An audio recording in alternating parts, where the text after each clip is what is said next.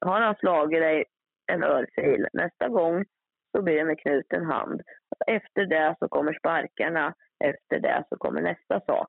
Då, då kan man aldrig backa tillbaka och sluta slåss, utan då är det en kvinnomisshandlare du bor ihop med. Det finns bara två scenarion och det är antingen så är det jag som dör eller så är det han som dör. Denna podd handlar om mäns våld mot kvinnor och barn och om våld i nära relationer. Har du blivit utsatt för hot, våld eller andra övergrepp? Ring kvinnojouren Linnean i Lidköping dagtid 0510 21900 eller övrig tid 0200 11 33 33.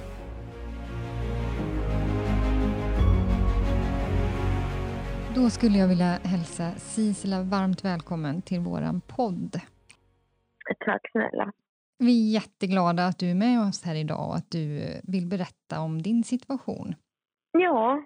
Jag tänker att du kan väl, du lever ju gömd idag och tillhör nätverket Gömda. Skulle du vilja berätta lite mer om det? Precis. Ja, vi allihopa som är med där har ju levt med en respektive som har utsatt oss för olika typer av våld till den grad att de klassas som livsfarliga för oss. Vi är de som behöver skyddas, ID-skyddas helt enkelt. Det är ju ett enklare ord för folk att förstå tror jag, när man säger att man har skyddad identitet. Det är samma sak, ja, fast sen finns det olika grader. Jag har något som heter skyddad folkbokföring till exempel.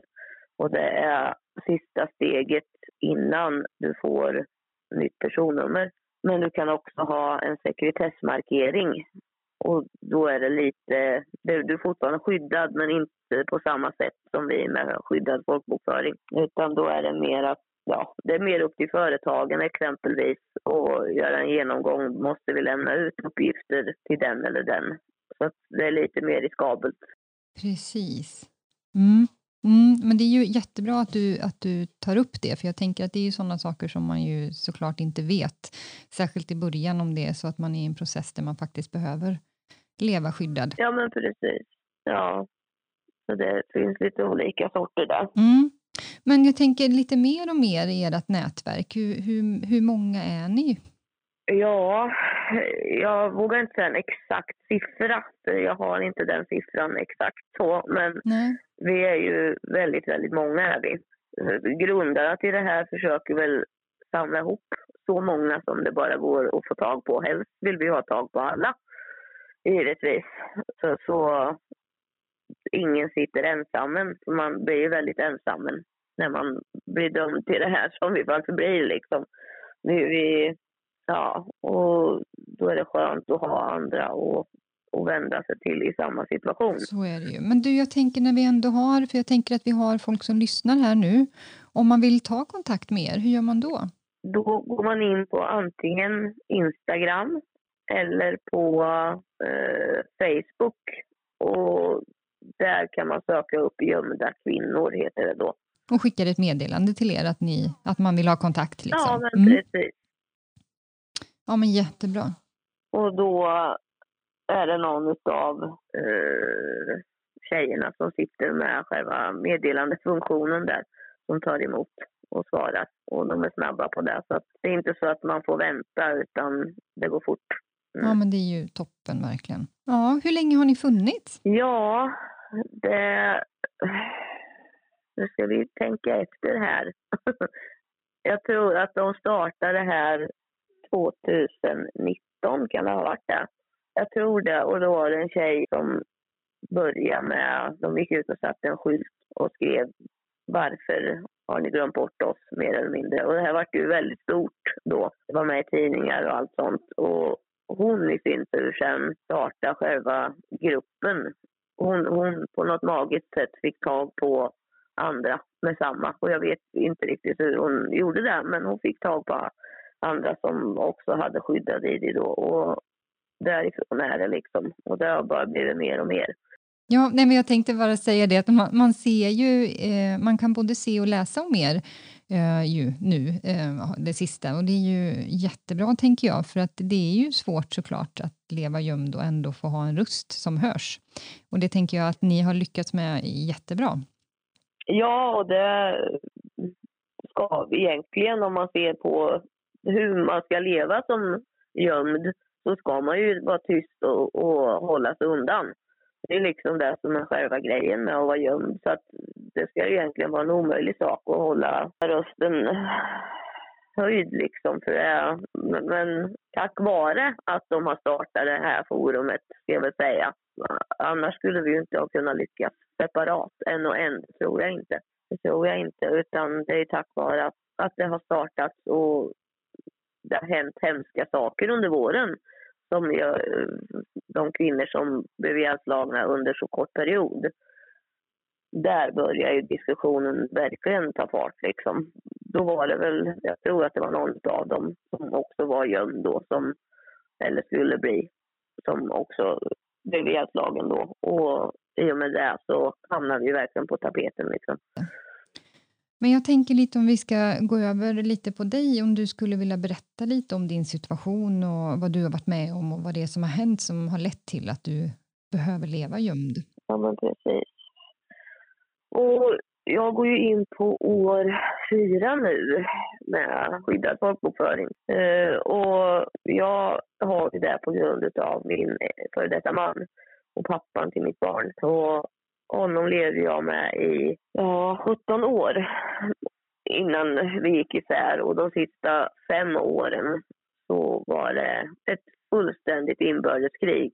Ja, åklagaren har ofta använt ordet tortyr när han har, eller de har tagit upp mina fall. Så att han är väldigt extrem, min före detta. Sista gången polisen ryckte ut så då sa de det att det, antingen så går du härifrån eller så lever inte du om ett halvår. Det, det är så. De har varit ute så många gånger och det har varit så hårfint så många gånger. Och jag vet att jag hamnade på akuten, traumateamet som tar emot bilolyckor och sånt här normalfall. Jag har tagit emot mig 17 gånger. Där det har varit så illa så att det nästan inte har gått vägen. Och speciellt tre av de tillfällena har det varit verkligen minuter ifrån liksom. Och i och med att polisen rycker ut till såna här incidenter så blir också socialtjänsten inkopplad per automatik eftersom vi har barn. Då kommer vi till utredningsgruppen på socialtjänsten och de tittar på mig och sa det är det värsta vi har sett. Jag har inte sett något som är värre under hela min tjänst på socialtjänsten.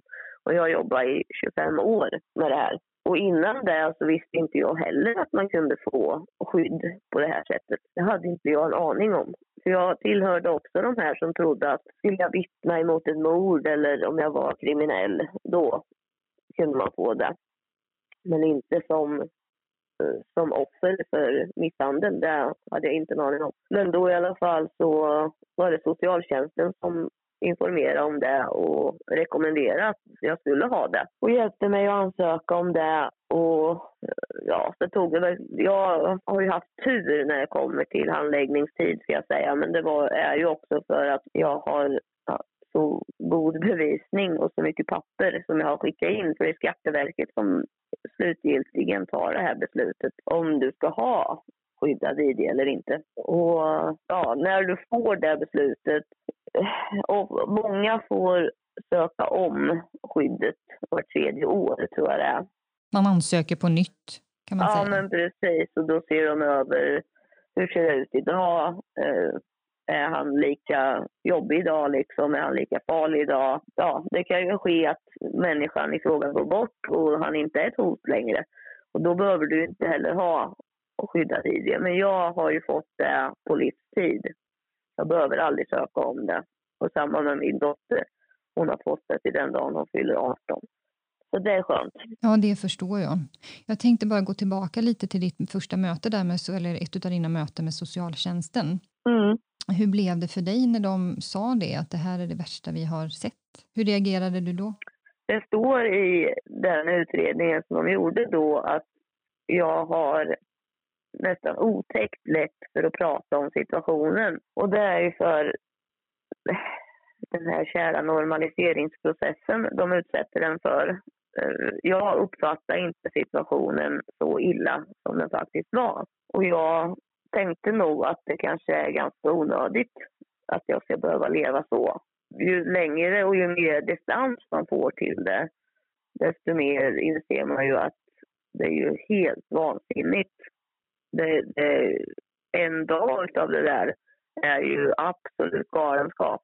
Men just då i akutsituationen så, då, då uppfattade inte jag det som så allvarligt som, som de tyckte att det var. Det, det tror jag inte det föll ner eh, i min skalle riktigt förrän jag läste själva utredningen. Där det står liksom radat att det här har han gjort, det här, det här, det här. Och det blir en helt annan sak då när man läser om sig själv på något sätt. Ja, det kan jag tänka mig. Jag tänker också det här utifrån att eh, vi pratar om normaliseringsprocessen. Det är ju någonting som som vi ju hör när vi möter våldsutsatta väldigt många gånger. Att, just det du är inne på, man märker inte och man ser inte hur allvarligt det är och man blir så pass nedbruten så att man, det är svårt att tänka på det för vad det är. Det är ju väldigt vanligt och det är också det, tänker jag, ju, som kan vara som gör att det blir så svårt att lämna. Oh ja, oh ja. Det är ju eh, nog en av de större anledningarna tror jag. För man uppfattar det inte så som alla andra säger till en att det är. Vad skulle du säga var det som gjorde till slut att du gick? Det var när han började ge sig på vårt barn. Där kunde jag ju se att det gör man inte. Det, det finns inget i världen som ursäktar att du slår ditt barn aldrig någonsin. För det finns ingenting. I min värld så gick jag runt och tänkte att ja, fast jag har ju gjort någonting. Eller jag har sagt någonting. Eller jag har vad som helst. Det är inte konstigt att han är arg. Det är inte konstigt att han slåss. Men ett litet barn, det finns ingenting de kan göra som gör det okej okay att de får stryk. Aldrig någonsin. Och när han började med det, då ja, då, då bestämde jag mig för att det här aldrig, hon ska inte växa upp så. Nej. Men det var ju ändå inte så att jag satte mig ner och hade en diskussion med honom utan det var ju, polisen kom, han fick följa med polisen. Jag gick och hämtade mitt barn på dagis och sen gick vi aldrig hem igen. Så att det var ju väldigt snabba ryck så. Så att när vi gick därifrån hade vi det, kläderna vi hade på oss liksom. Det var allt vi mm. ägde. Och jag, jag tänker att um, det blir ju många gånger så att det blir um, akut. Um, så vi pratade lite om det i vårt första avsnitt av den här podden, jag och Pernilla som arbetar som kurator mm. på kvinnojouren. Att uh, om man är utsatt att man kan ha med sig lite i bakhuvudet att man har en packad ja. väska där man har saker som man vill ha med sig som är viktiga eh, foton och pass, datorer, alltså sådana saker som man kanske... För det är ju, det tänker jag att du och väldigt många i din situation vet om att det är inte helt lätt att få sina saker eh, tillbaka ifrån ett hem där mannen finns fast man har delad adress. Nej, nej, jag har fortfarande inte fått det. Vi, vi, har, och vi var gifta. Vi skulle egentligen ha gjort en bodelning, men det blev aldrig en bodelning. Han behöll allt. Det man ska göra, tycker jag, när man vet om att någonstans vet man med sig att det är inte sunt att leva i en relation där man får stryk. Och, och har man den tanken att jag måste gå härifrån så bygg upp en plan i huvudet som du inte delar med dig om någon. Utan steg för steg, hur ska jag ta mig härifrån? Vad behöver jag ha med mig och vart ska jag ta vägen? hetsa inte fram den om det inte verkligen är akut utan låt det ta några dagar så att du verkligen får med dig allting liksom och, och, inte står där. För jag har gjort så också, där jag i panik springer ut därifrån och så står jag där utan jacka eller telefon eller någonting. Ja, och det går att gå tillbaka igen. För jag har ju inte riktigt kommit så långt att jag kan springa till polisen då. Men jag vet att jag måste ta mig därifrån. Och det är inte optimalt på något sätt. För att när du väl går tillbaka då så blir det inte bättre. Utan snarare värre för att han vet att du är benägen till att fly då. Och då får han ju sätta in växel nummer två så att du inte gör det. Precis. Och det, det, är ju också så att vi vet tyvärr att det är så att just det läget när man ska lämna en våldsam relation att det kan vara det farligaste tillfället. Så precis som du säger, det kan vara jättebra om, om, om det finns möjlighet till att verkligen planera det väl.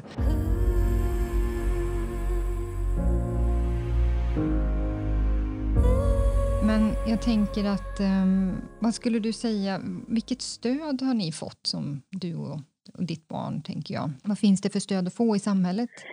Ja, det är ju lite olika ska jag säga beroende på uh, hur långt du har kommit i din process egentligen. Jag personligen har ju inte fått någon hjälp överhuvudtaget att bearbeta någonting. För att eh, ska du börja på exempelvis en traumabehandling då måste du, du får, eller ja, du får inte ha ett aktivt trauma. Så att då kan de inte hjälpa dig, anser de. Och i mitt fall, eh, jag är inne på år fyra och han har fortfarande inte gett sig. Han kommer aldrig att ge sig. Och det klassas som att mitt trauma är aktivt. Och då hjälper det inte att jag går in och sätter mig i en traumabehandling och behandlar något som eh, konstant pågående. Och, och det, det, jag är lite sådär dubbelt i det. Så att någon, någon annan form av hjälp bör det kunna finnas då, där man kan få gå och sortera åtminstone tankarna. Mm. Någonting. Ja, men det är väldigt spar, spar, vad ska man kalla det för? Det finns väldigt lite utav det. Mm. Tyvärr. jag tänker att då är ju hans, det här eftervåldet är ju egentligen pågående då för det hindrar dig att också få rätt behandling kan man säga, eller rätt stöd då? Ja, men precis. precis. Det är ju fortsatt och pågående eh, ja, våldssituation. Ja, det var, det var verkligen tråkigt att höra. Men jag tänker, har du haft möjlighet att få någon, inte någon typ, eller har du haft någon stödkontakt eller stödsamtal eller?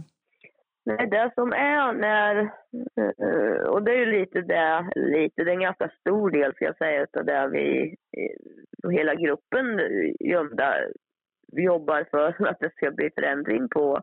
Det är just det här att när du får det här skyddet som många gånger är absolut nödvändigt att ha, så anser samhället på något sätt att nu är du skyddad och nu, nu fixar du det här. Gå ut och lev ditt liv.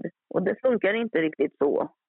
Det, det, Nej. det är jättesvårt att förklara hur det är att leva så här när man inte kan göra de mest basic saker i samhället egentligen. Jag kan inte ens ringa till min bank och säga hej, kan du hjälpa mig? Nej, det kan jag absolut inte, får jag till svar då. Eller om jag ringer till Försäkringskassan eller vad som helst. Och gå ifrån en sån akut situation som det är och ett sånt trauma som det är och, och sen gå in i en helt ny situation där du istället inte kan få hjälp av någon och sen ska du kunna fixa det på egen hand. Ja. För jag och många vet jag har alltid tänkt att ja, men socialen hjälper ju till. De hjälper till med lägenheten, de hjälper till med alla möjliga saker. Men så är ju inte fallet, utan du får gå ut och du får klara det här själv många gånger. Efter att du kommer, kommer till en kvinnojour och får det här och sen blir slussad vidare av socialen, då är det upp till dig. Mm.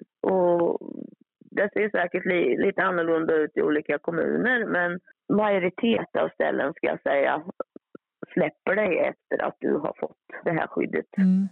Ja, precis. Och jag tänker att precis som ni i ert nätverk är personer från ja, hela Sverige misstänker jag, möter ju vi också personer som kommer från hela Sverige och det, det ser lite olika ut vad det finns för stöd att få, vad det finns för hjälp och också vem man, vem man stöter på längs med vägen eh, som erbjuder olika eh, vägar in och stöd. Så. Ja, Ja, och det vet jag ju när jag pratar med de andra tjejerna i gruppen. En del har ju fått slagits för att få det här skyddet medan jag fick det omedelbart. Och, och, så att det är väldigt olika beroende på vilken socialtjänst man får. Men jag personligen tycker ju att det ska finnas ett helt paket som ingår i det här. Får du skyddad, skyddade uppgifter, då, då ska det vara som med barnbidrag eller vad som helst. Pengarna betalas ut automatiskt. Lever du under hot och behöver gå därifrån, då ska det finnas en, en summa som du är garanterad varje månad för att du ska kunna gå därifrån. För det är också ett sånt där orosmoln över huvudet. Hur ska jag försörja mig när jag går härifrån? Hur ska jag mata mina barn? Ja, för hur, kan inte du beskriva hur det ser ut? Hur blir det när man lämnar och, och ska komma till sitt nästa boende? Alltså rent, rent ekonomiskt, hur funkar det?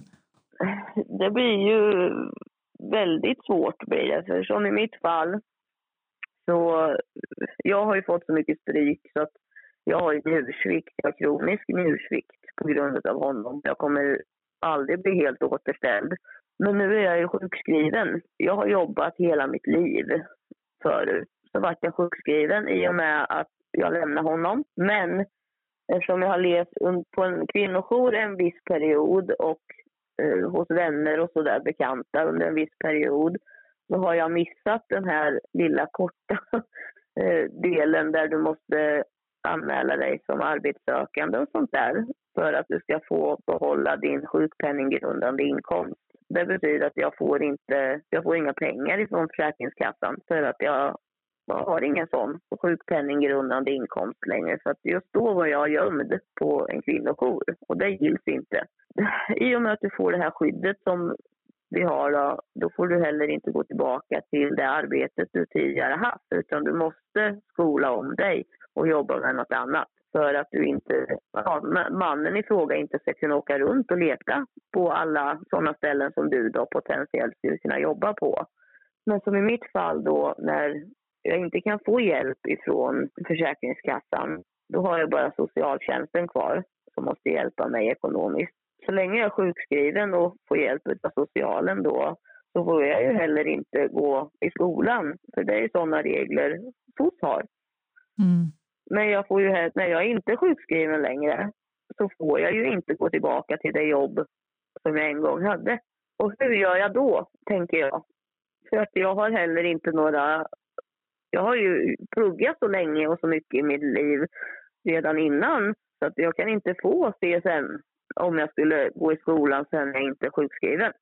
Och det här är ju jättemånga som har det här problemet. Alla skyller på alla när det kommer till myndigheter. Man frågar hur ska jag göra då? då? Ja, nej, det vet vi inte. Du får kolla med dem. Ja, så att jag, idag vet inte jag. Om min läkare säger att nej, men du är så frisk så att gå ut och jobba. Ja, med vad då? Mm. Och hur då? Mm.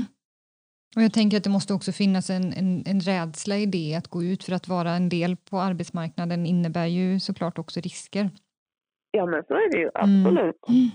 Absolut. Och, och, allting är ju en risk i, i allting i vardagen, höll jag på att säga. Men eh, framför allt det. För att eh, du vet ju aldrig vem du stöter på. Det är ju så.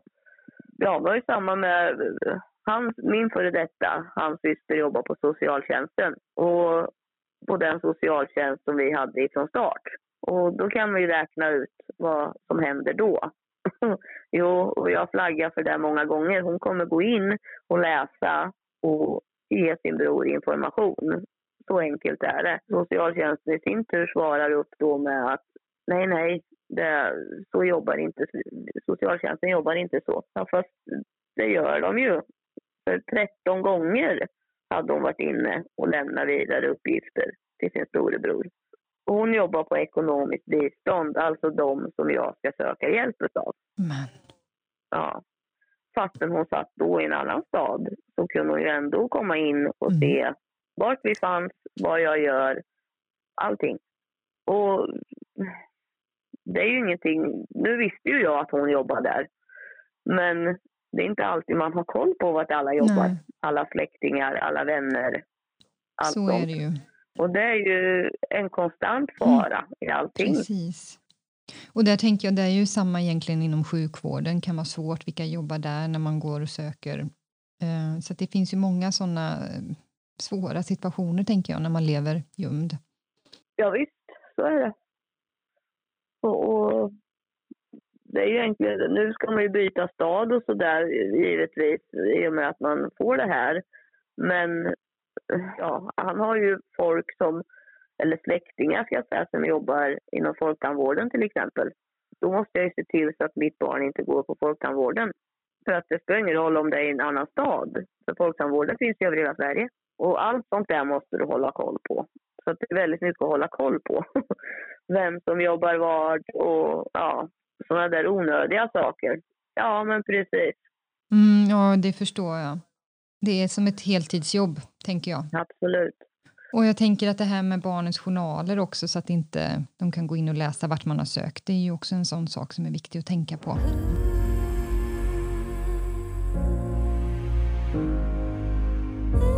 Men du, om vi skulle vända på det, vad, vad önskar du att det skulle finnas för stöd för er eh, att få? Eh, ja, jag önskar att de hade, när, de, när den som bestämde att det här skyddet skulle finnas, så är det ju som att de har bestämt bara att ja, ja, men vi, vi döljer vart de finns, vad de heter och allt sånt där och så löser sig situationen.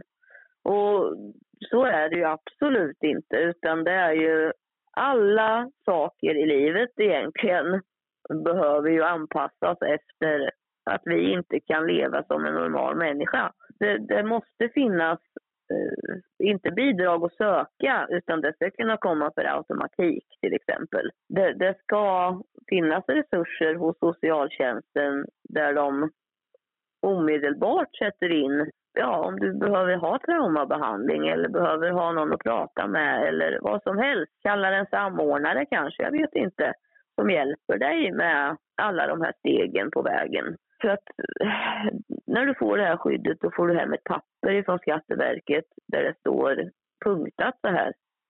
Så här går det till nu och det här får du inte göra. Mm. Och det här kommer vara svårt, mer mm. eller mindre. Och Ja, för det kan vi ju också ta upp, tänker jag, för att man ska få den här, den här hjälpen, alltså att leva skyddad och med skyddad folkbokföring, mm. så har man ju också vissa saker som man måste själv se till, alltså att man skyddar sig, om man säger, vilket, eh, vilket ju inte alla gånger är så lätt. Ja, och, och det gäller ju att eh, om du ska ha till exempel Facebook eller såna här saker, så du måste ju alltid tänka på vilka du har som vänner. Du får ju aldrig ha det som en öppen sida. Det är ju regel nummer ett. Det du får bara ha dina närmsta. Och du måste gå in och sätta alla sekretessinställningar som går att göra egentligen. Och sen ska man också tänka på när du till exempel köper en ny telefon och du ska göra de inställningarna så på min telefon till exempel använder jag ju Google i bakgrunden. Men för att gå in där, då måste jag ju logga in på mitt Google-konto. Går jag in nu och söker, ja, i normala fall ska jag säga, nu har jag stängt av det, men i normalfall om jag går in då på min telefon på internet och så ska jag söka på Google. Scrollar man längst ner där då så står det exakt vart jag befinner mig. Mm. Och det är mycket sånt, tänker jag, som är svårt att ha koll på samtidigt som man precis har lämnat någon och har ett trauma. Och det är där jag tänker att det borde finnas någon form av samordnare i det här. Där man kan, varje människa som ska få det här skyddet kan få ett möte med den här människan.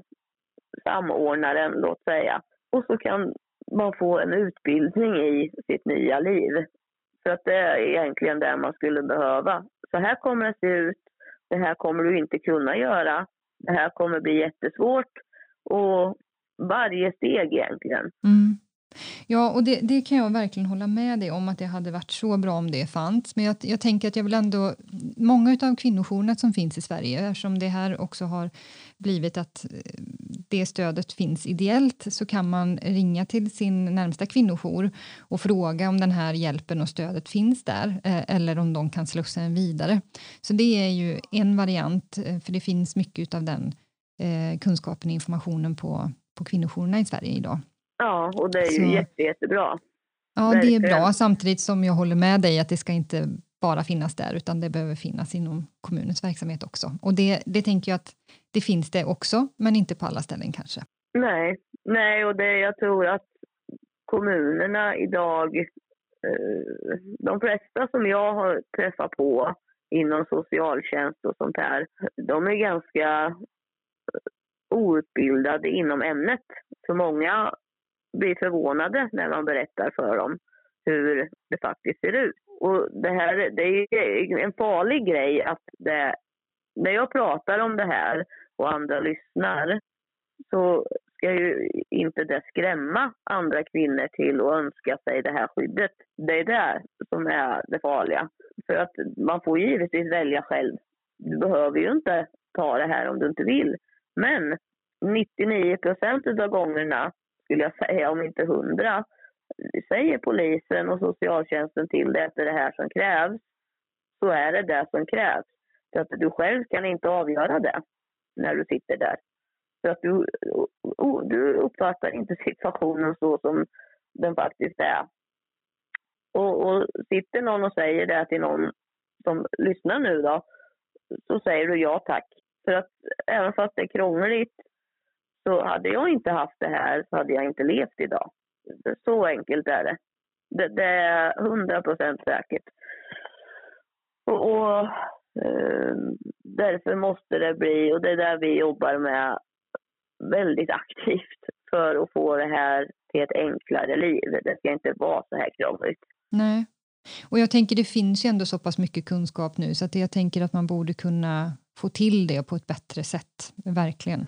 Eh, mer om det här som du säger som ett liksom, paket. Om du behöver leva skyddad så är det det här och det här som vi kan ja, göra och hjälpa ja. till med. Men du, hur skulle du säga, hur har det sett ut för ditt barn? Var, vad, har, vad har det funnits för hjälp att få där och stöd? Hon i sin tur, eh, hon hade ju umgänge och så med sin pappa från början. Även fast när vi var gömda så skulle hon ju träffa pappa. Men i och med att det upphörde när jag fick ensam vårdnad och allt sånt här så då hade inte hon ett aktivt trauma längre. Och då, för henne har det ju funnits mycket kapacitet ska jag säga eh, att ta hand om henne. Hon i sin tur, när man läser hennes journaler och så, så de klassar henne som ett barn direkt ifrån kriget ungefär. Hon har samma PTSD som dem. Och normalt sett så får ju sådana barn slussas ju till Migrationsverket och deras eh, handläggare och deras hjälp. Ett, ett svenskt barn som bor i Sverige, som är född i Sverige och som har samma problematik. Det känns som att det skulle vara svårare för dem att ta på det problemet på något sätt. Men det har de faktiskt gjort väldigt bra, det måste jag säga. Så att idag är hon ju på god väg framåt. Hon är långt ifrån återställd och kommer nog antagligen aldrig bli det. Men eh, hon vågar gå ut igen och hon vågar skaffa vänner och hon behöver inte sova i samma säng som mig. Och det är väldigt skönt för hennes skull, om inte annat. Ja, såklart. Vad skönt att höra. Ja. Mm, verkligen. Men där har det ju också varit, eh, beroende på vi har ju flyttat många gånger. Det, är femte stället nu på ja, fyra år. Så att det är ju, då har vi ändå bott här där vi bor nu i över ett år.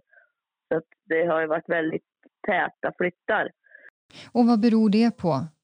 Det beror på att han antingen har hittat oss eller att uppgifterna har blivit läckta så att vi måste flytta på oss innan han hittar oss. Mm. Ni vet ja. om att uppgifterna har kommit ut liksom? Ja, men precis. Och, mm. uh, är det vanligt skulle du säga utifrån eh, din erfarenhet med nätverket där? Ja, tyvärr. Och oftast så är det såna här ställen som man tänker att de skulle aldrig. Och som socialtjänsten.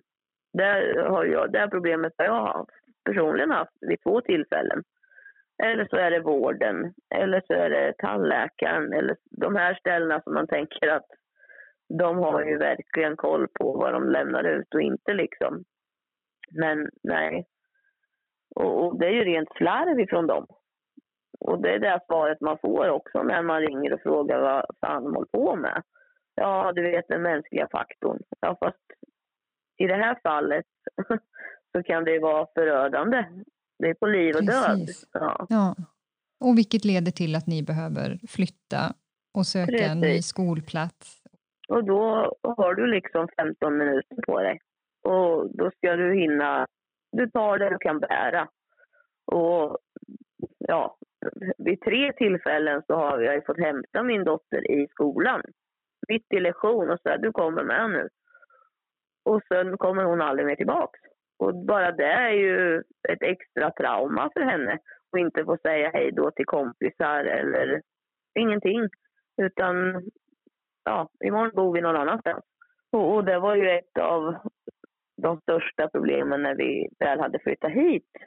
då stod hon ju i fönstret i tre månader och kollade på de andra barnen på gården. Alltså, gå ut och lek? Nej, det är ingen idé för att vi ska snart flytta i alla fall. Och för vuxna, det är klart det är jobbigt att flytta hela tiden, givetvis är det det. Men för ett barn så river du upp rötterna gång på gång på gång. Hon har ju ingenstans där hon kan säga att det där är min barndom. Där bodde jag när jag var barn. Utan hon har en handfull ställen där hon har bott liksom. Och det är inte okej. Okay.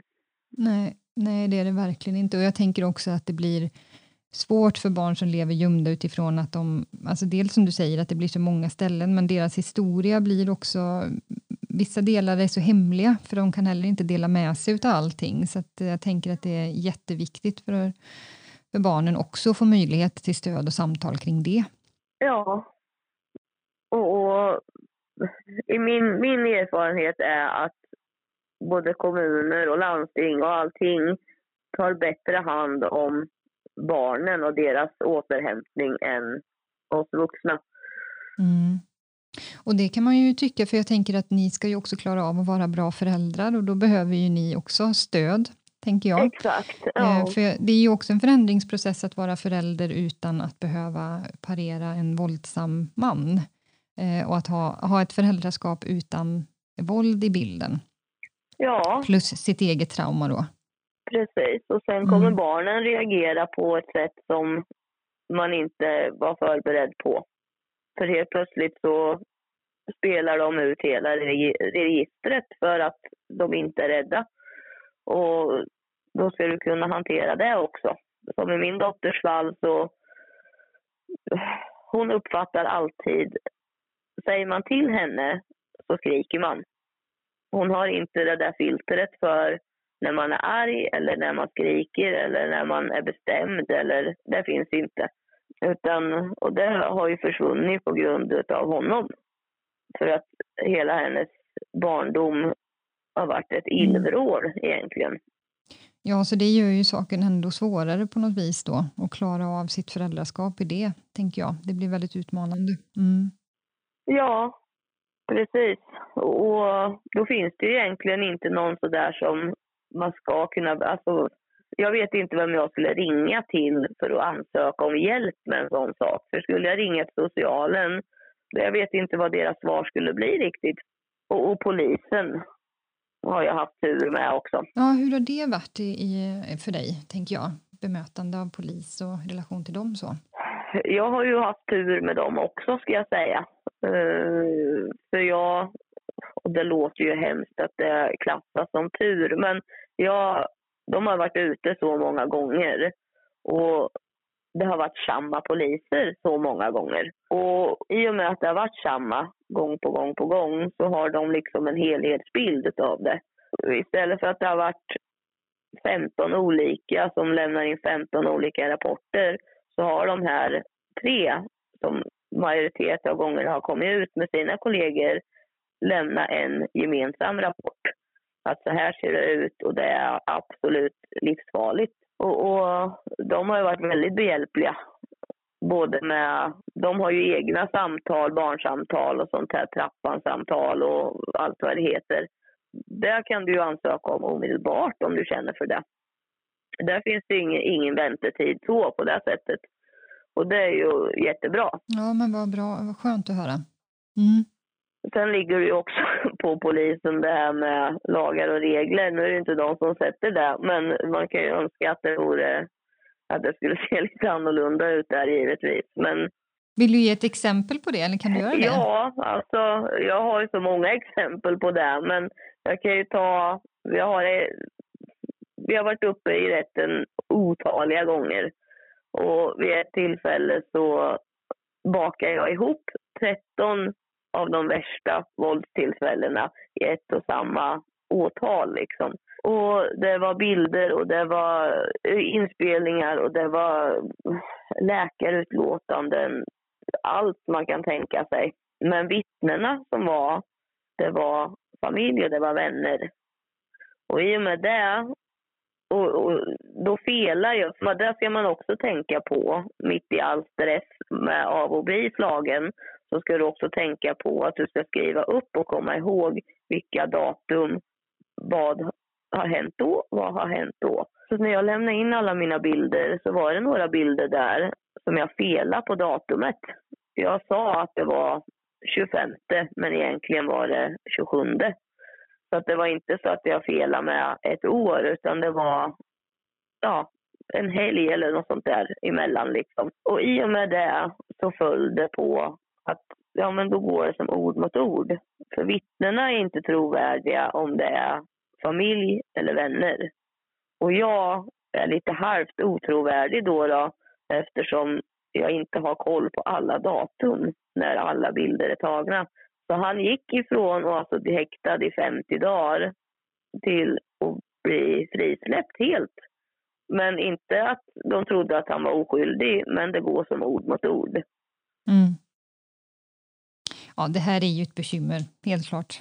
Ja, för vi vet ju också att när det handlar om våld i nära relation så blir det ju ord mot ord för det är i hemmet. Det är ju det som Precis. är det svåra. Ja. Och, och i och med att han hade suttit häktad då och inte att han som sagt var oskyldig men ord mot ord, det betyder att han också fick 51 000 utbetalt av svenska staten för sveda och verk. För han har ju suttit häktad. Mig skickade de hem ifrån akuten med kronisk njursvikt och han fick 51 000 in på. Och det är ju tyvärr inte första gången. Så att lite sådana... nej, nej. Och, uh, så några justeringar i lagar och regler helt klart behövs. Precis, och jag tänker just det du är inne på, när man, du, ni hade varit, eh, levt tillsammans så många år och ett pågående en pågående liksom, våldssituation. Man kommer ju inte ihåg vilka datum de här sakerna sker. Det är helt omöjligt att göra det, tänker jag. Så att, att be dig att berätta datum för när de här olika händelserna, det är ju, det är ju egentligen omöjligt tänker jag. När alla vi möter, liksom, skriv dagbok, försök att skriva ner datum, spara bilder, spara sms där det kanske är hot. Eh, det, det som är positivt idag när man fotar det är ju att man kan se eh, när det är fototaget, eh, datum och sådana här saker. Så att där har vi ju vissa poliser som är jätteduktiga på att hitta datum via liksom, tekniken och sådär. Eh, men det är en svår uppgift att försöka hålla ordning på det här samtidigt som man är så oerhört utsatt, tänker jag. Ja, och, och jag vet min advokat han pratar ju om det med dem då också, att det är så många tillfällen som jag hade lämnat in då. Och en av de här 13 tillfällena, där var under en hel helg. Då var jag inlåst i 72 timmar och blev slagen i 72 timmar. Och då ska jag kunna sortera ut då att det där var timme fyra ifrån de där 72 timmarna. Eller var det gång nummer ett? Det går inte. Det går inte. Det går Nej. inte. Ja, det är så fruktansvärt att höra dig berätta om det här, tänker jag. Alltså... Ja, och det är uh, hemskt att det fortsätter och fortsätter och fortsätter. För att han, ja, han gjorde ju av med 51 000 av de svenska skattepengarna då. Och vad gick det till? Jo, droger. Ja, så att, och han, I min värld så känns det som att han fick betalt för att slå mig. Mm, jag förstår att du känner så. Och jag tänker att det är nog väldigt få som inte har varit i din situation eller som arbetar med det här som förstår att det faktiskt kan gå till så här. Eh, jag tror att det är väldigt få som är medvetna om det. Det har ju varit några uppmärksammade ärenden, det senaste nu i media, där det har betalats ut stora skadestånd. Eh, mm, så jag tänker att man får väl hoppas att det blir en förändring i detta. Ja, ja alltså du ska inte... Det hade varit en sak om de kunde konstatera rakt av liksom den här människan är oskyldig. Har inte någonting med det här att göra. Givetvis en sån människa ska få sitt skadestånd men aldrig någonsin när det går under ord mot ord eller att det är tveksamt eller att det är... Nej, nej, det, inte en krona. Utan... Nej, det är helt vansinnigt. Är det.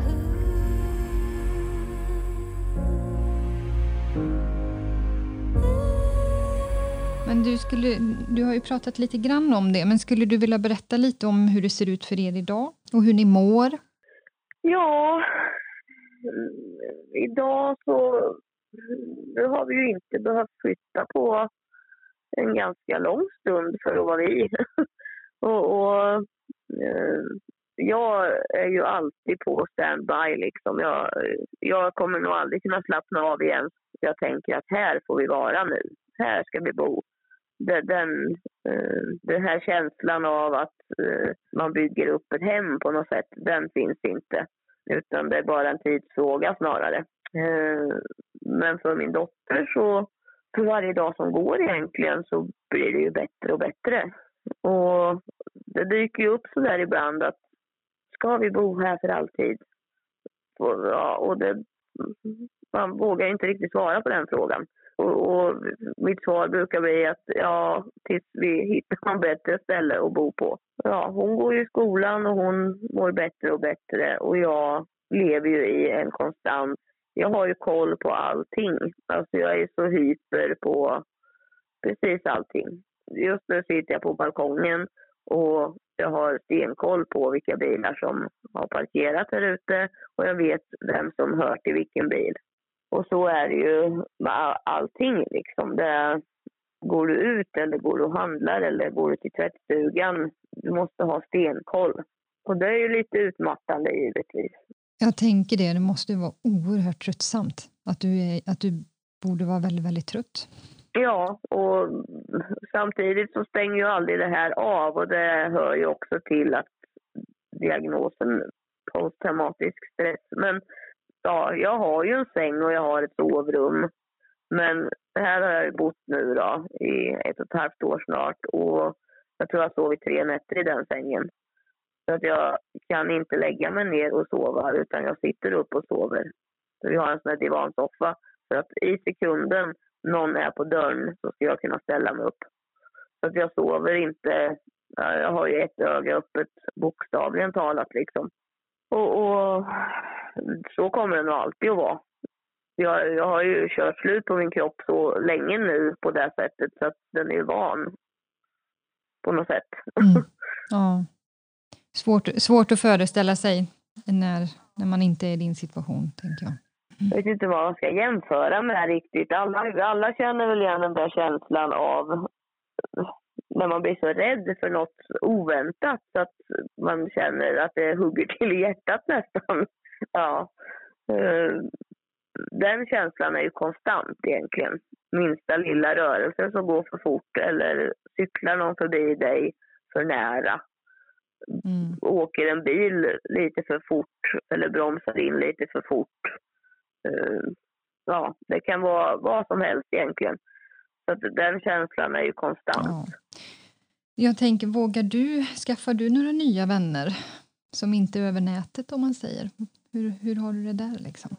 Nej, det gör jag inte. Utan det, eh, jag är ju väldigt begränsad i... Jag har ju vänner som jag har haft i flera år som har varit sen innan. Men det är ju inga jag kan träffa idag så, men vi försöker ju hålla kontakt via telefon och sådär. Men det blir ju väldigt svårt när man inte ens får säga vart man bor. Man får inte berätta någonting liksom. Så, men inga nya. Det skulle jag aldrig våga för jag litar inte på människor. Utan jag, jag tror ju alltid det värsta om folk. Så skulle någon närma sig mig i ett vänligt tänk och tänka att ja men den där kanske jag skulle bli kompis med. Så skulle jag ändå tänka att ja fast den där har ju han skickat ut. Eller det där, det är någon han har betalat eller ja, vad som helst egentligen. Så att nej, jag, jag håller mig till dem som jag, jag vet vilka de är. Om man säger så. Mm. Och det är ju väldigt många, tänker jag, som är i liknande situation som beskriver just det. Alltså att man skaffar inga nya vänner, utan eh, det får gå väldigt lång tid innan man gör det i sådana fall. Och att kanske någonting som förändras i skyddet eller så. Ja, ja men precis. Och det jag har sagt det förut till andra som jag har pratat med om det här också. Och det här kommer ju bara ge sig. Det finns bara två scenarion. Och det är antingen så är det jag som dör eller så är det han som dör. Det är bara, det, då är det över. När någon av de två inträffar. Men utöver det så har det inte hjälpt med att han har träffat någon ny. Det har inte hjälpt med att vi eh, skilda och har gått isär. Det, det, ingenting hjälper. Utan han är lika aktiv idag som han var för ett år sedan och för fyra år sedan också. Och då har han ändå skaffat nya kvinnor efter. Ja, han, han behandlar ju dem på samma sätt.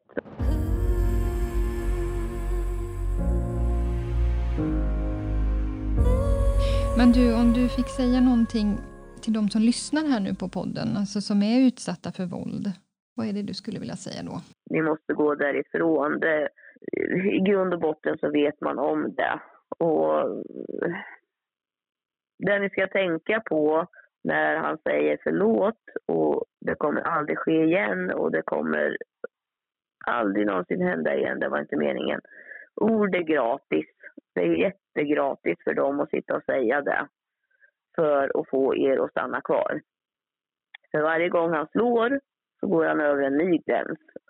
kan man se hos polisen också, för de frågar under varje förhör. Har han slagit med öppen hand, knuten hand, har han sparkat? Och det är så i, i de etapperna det går. Har han slagit dig en örfil, nästa gång så blir det med knuten hand. Efter det så kommer sparkarna, efter det så kommer nästa sak. Det kommer inte att bli bättre. För har man passerat den gränsen en gång att man slåss, då, då kan man aldrig backa tillbaka och sluta slåss. Utan då är det en kvinnomisshandlare du bor ihop med. Men det du ska tänka på det är att göra upp en egen plan för dig själv och ditt barn så att ni kan ta er därifrån säkert. Och för att den närmsta tiden inte ska, att det inte ska vara enklare för dig att gå tillbaka dit än att fortsätta framåt. Så planera noga och planera smart vart du ska ta vägen och vad du behöver ha med dig. Har du möjlighet så se till så att du lägger undan pengar och såna här saker.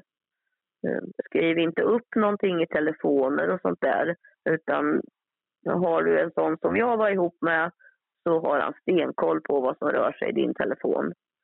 Utan det är bättre att du pratar med någon eller skriver på en papperslapp och gömmer någonstans gömda i ett paket med binder eller vad som helst där han inte kommer att leta. Alla kort ni tar, skicka det till någon annan så den kan ha hand om det. Så att det räcker med att han tar telefon ifrån er annars. Jag skaffar en, ja, jag skaffar en separat mejladress till mig själv som bara jag visste om. Och dit mejlar jag allting. Och till min mamma och till min syster. Så att jag hade tre kopior så att det aldrig skulle försvinna. Och, och har man möjlighet till det, så gör det. Men det man absolut ska komma ihåg det är att har det smält en gång så kan ni kan aldrig, du kan aldrig älska honom tillbaka till innan den smällen. Det finns inte. Hur mycket du än skulle önska att det gick så går det inte. Det är som att försöka älska ut ett till ben på någon som är amputerad. Det går inte. Han är, han är förbrukad i och med att han har slagit dig. Och han vet säkert om det också. Och det är därför det eskalerar. Ja, för vad som än sker. För det, jag fick den förklaringen av min exman en gång. För jag frågade honom varför. Och jag tror att den mest sannings, sanningsenliga förklaringen, då sa han det att jag blir så jävla rädd och så paranoid för att du ska lämna mig. Så jag tror i sekunden att det jag gör nu ska skrämma dig till att stanna kvar. Jag får en psykos i min rädsla för att jag vet att du kan gå härifrån. Och antagligen är det så. Men det ju, det ger honom inte rätten till att göra så för det. Du har rätt att gå därifrån. Och är det så att du sitter hos polis och socialtjänst och de säger att du behöver ansöka om att få skyddade uppgifter, så gör det. Du säger ja tack, för att då har de gjort den bedömningen att eh, du lever i livsfara. Och när du har fått det så söker du upp oss så ska vi hjälpa dig vidare på vägen. Ja, så att när ni väl har kommit så långt så de, ni som är nya som kommer in i det här, ni behöver inte göra det på egen hand. Utan ja, vi finns ju här. Vi som har levt så här så länge och har gjort det här så länge. Som sagt, det finns på både Instagram och på, på Facebook finns vi att få tag på. Jättefint ju att ni finns som grupp.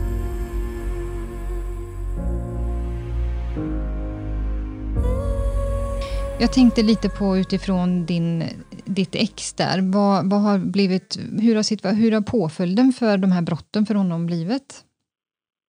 Han har ju aldrig fått fängelse, konstigt nog. Utan det har ju blivit böter, samhällstjänst, övervakning, eh, vård och såna här saker med frivården och deras utbildningar som de har.